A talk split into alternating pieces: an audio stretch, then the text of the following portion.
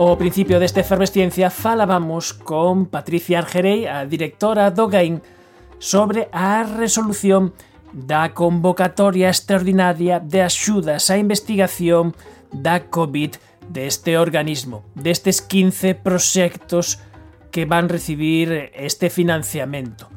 Un deles está liderado por Federico Martinón. Federico, moi boas noites. Hola, moi boas noites, que tal? Federico Martinón é o xefe do Servizo de Pediatría do Complexo Hospitalario Universitario de Santiago de Compostela. E con el, e máis co seu colega Antonio Salas, falábamos en efervesciencia xusto en maio eh, dos traballos que facíades de estudar eh, a secuenciación do bicho, do virus, do SARS-CoV-2 e falábamos deses, deses supercontaxadores, deses procesos que vos viades de, mm, de momentos no que o virus contaxaba a moitísima xente. Sí, parece que foi fai moitísimo tempo, pero non foi tanto que falamos, excepto, e seguimos traballando neso, e de feito Ah. Ainda publicamos fai pouco que toda a árbore filoxenética do virus eh, no noso país, por onde entrou e como se foi eh, modificando, é dicir, é, un, é unha liña de investigación que segue moi activa.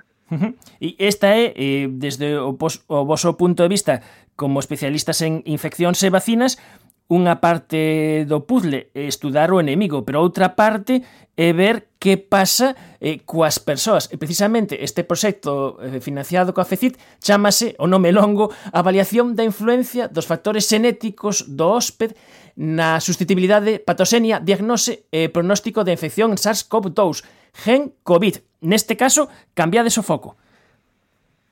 Sí, efectivamente, a realidade é que esta é a nosa verdadeira sinatura non na investigación. Non sempre estudiamos o que é as infeccións e as vacinas dende a perspectiva do, do, do huésped, non? É dicir, ao final as persoas se infectan, algúns están asintomáticos, outros morren como consecuencia da infección, esas postas sendo o mesmo patóxeno ten que ver ou ten que ter unha parte de explicación na propia persoa, no propio huésped, non? Ademais, no caso específico do SARS-CoV-2, todavía é máis ou peculiarmente interesante a resposta dos rapaces, non? Que deféndense moi ben da COVID en comparación co que pasa cos adultos. Por lo tanto, ao final, creemos que na singularidade no estudio do, do, do huésped poden estar algunhas, se non todas, algunhas das respostas de, desta pandemia. Por eso consideramos que é un proxecto importante no que xa estamos traballando e no que, sin duda, esta axuda de Gaín, que non podía chegar en, en mellor momento, eh, pois permitirá nos acelerar esta, esta, este proxecto, que é un proxecto coral, é un proxecto non só de, do grupo Xenvive de Pediatría, sino de todo o Hospital Clínico Universitario de Santiago, no que participan pois, a maioría dos servicios clínicos eh, do hospital eh, pois, empurrando na mesma dirección para tratar de buscar respostas, porque, sen dúbida, o que nos pode sacar desta pandemia só é a investigación. Non? E, e cales son os fitos deste proxecto? Cales eh, son as, as etapas, as metas eh, voantes que vos eh, plantexades atingir? Bueno, pois eh, a verdade é que é un proxecto moi ambicioso, non? E xa levamos traballando, en realidad nunca paramos, e este proxecto que nos vai permitir é financiar os experimentos e as accións eh, ou algunhas deste paraguas eh, sen COVID, no? que no que se aplicou aquí a, a esta Gain. Básicamente, o que vamos mirar, eh, por un lado, que é a xenética do, do huésped, non? É ver se as persoas son xenéticamente diferentes, en especificamente estamos a mirar eh, nesta variante que se describiu nos rapaces, non? O que se chamou Kawasaki ou Kawasaki Like, entón estamos a, a analizar eh, pretendemos saber se hai algunha especificidade na persoa, nos xens deses rapaces para que teñan esta forma tan rara a expresión clínica da COVID. Non? E ao mesmo tempo, eh, outro dos aspectos máis importantes que o noso forte é tratar de identificar a, a, a, o que é a asinatura específica deste, deste bicho na persoa. Non? É dicir, eh, o que chamamos a, a huella transcriptómica, que ao final, cando tes unha infección, eh, actívanse e inhíbense unha serie de xens no, no, no teu organismo, é dicir, ao final a resposta é individual, específica, e cada, cada infección ten como, digamos, unha melodía, non? Se, se a persoa é un piano, os nosos xens son as teclas do piano, cada microorganismo, cando nos infecta, xenera unha melodía que é única e específica desa infección. ¿no? Eso levámonos facendo moito tempo, identificado esas melodías para moitas infeccións, e agora estamos a facelo co SARS-CoV-2 importancia ten? Pois que eh, mediante esta tecnoloxía somos capaces de saber que teclas tocan eh, que cales non para saber que o que fai exactamente o microorganismo no noso caso o SARS-CoV-2 no, na persoa, pero ao mesmo tempo esa propia melodía, por sistemas que podrían ser como un shazam o algo así, permítenos identificar, solo escoitando os primeiros segundos, e saber cale o bicho e incluso poder establecer o que chamamos sinaturas pronósticas, é dicir, saber como vai acabar a canción. Entón, o noso obxectivo non é só entender mellor a infección, senón a través desta que chamamos a abordaxe transcriptómica, establecer un sistema de reconocimiento e de biomarcadores, por así dicir, xenéticos funcionais que nos permitan identificar este, este virus e diferenciarlo de outros, pero tamén tratar de establecer sinaturas pronósticas, é dicir, que nos anticipen que o que pode pasar con un paciente e deste xeito poder facer, digamos, medicina a carta ou priorizar tratamentos ou incluso certas vacinas. Non?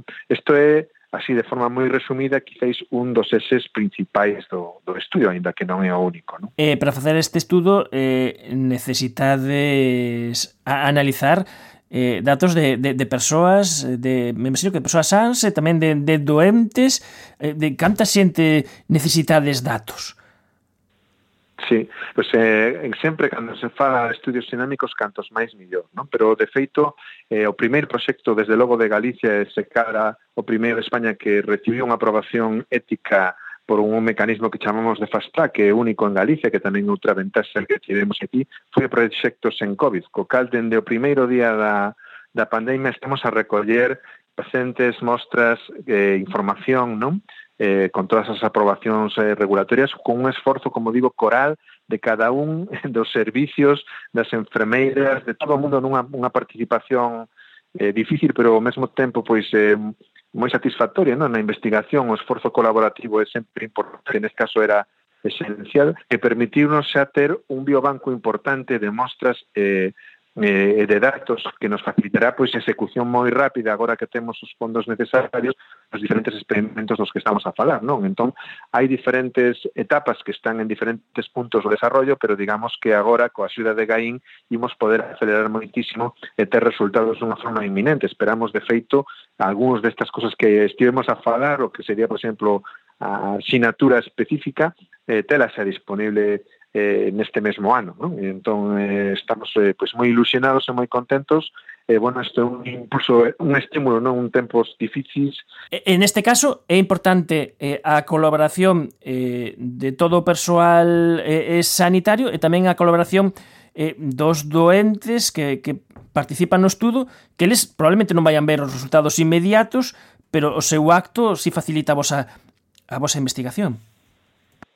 Sen dúbida, non? A investigación clínica que é este proxecto que sen COVID, non? Que, que financiou o GAIN, eh, poñer a investigación o servicio da paciente. As preguntas eh, saen da clínica e a investigación ten que devolver unha resposta a pie de cama, pero é certo que moitas veces ese paciente individual que participa nos estudios non se beneficia desa investigación, pero está axudando eh, se non, que non o podamos axudar a él, a que podamos axudar a outros. Por lo tanto, non é só o esforzo coral de todo o persoal do Hospital Clínico Universitario de Santiago, senón a generosidade dos pacientes e as súas eh, familias, non que aínda que estar a vivir circunstancias moitas veces complicadas e difíciles, colaboran con nos e nos permiten eh, pois, eh, traballar non de forma eh, correcta, rápida e, eh, eh, tratar de, de obter estas respostas no menor tempo posible. Uh -huh. Pois andaremos moi atentos aos eh, resultados eh, destas investigacións e, e antes de, de despedirmonos quería comentar que Federico Martinón agora se está adentrando non só eh, nas partes profesionais da investigación senón no mundo do podcast Seica Pois sí, a verdade é que É certo, bueno, eh, nestes momentos hai que reinventar o que se fai, non? É moi importante a comunicación e a, e a difusión. Eh, ao final, non é importante tamén trasladar o que se está a facer o coñecemento. Eh. E, e ahora mismo pois, eh, os congresos médicos e a nosa reunión que facemos cada ano, unha reunión internacional con moito éxito, que é o típico, pois este ano vai ser atípico, non? E vamos facelo efectivamente en formato de como se fose unha serie de Netflix ou podcast, de forma que facilite esa interacción dos profesionais e que podan acceder aos contidos pois en calquera momento, en calquera situación e non suxeitos a un horario específico. Esperemos que teña éxito e que sirva para o que? Que a seguir formando a xente e que a investigación se traslade a pie de paciente pois integrando a na nosa rutina clínica. Entón, gracias polo, polo pé, non? para facer a, a publicidade do, do atípico, non? que xa de feito se algún profesional nos escoita pode ter máis información en atípicoseries.com eh, bueno, pues espero que sexa un éxito porque será o éxito de todos. Pois Federico Martinón, moitísimas grazas por atender unha vez máis a chamada efervesciencia. Nada, moitísimas gracias a vos polo interés no que facemos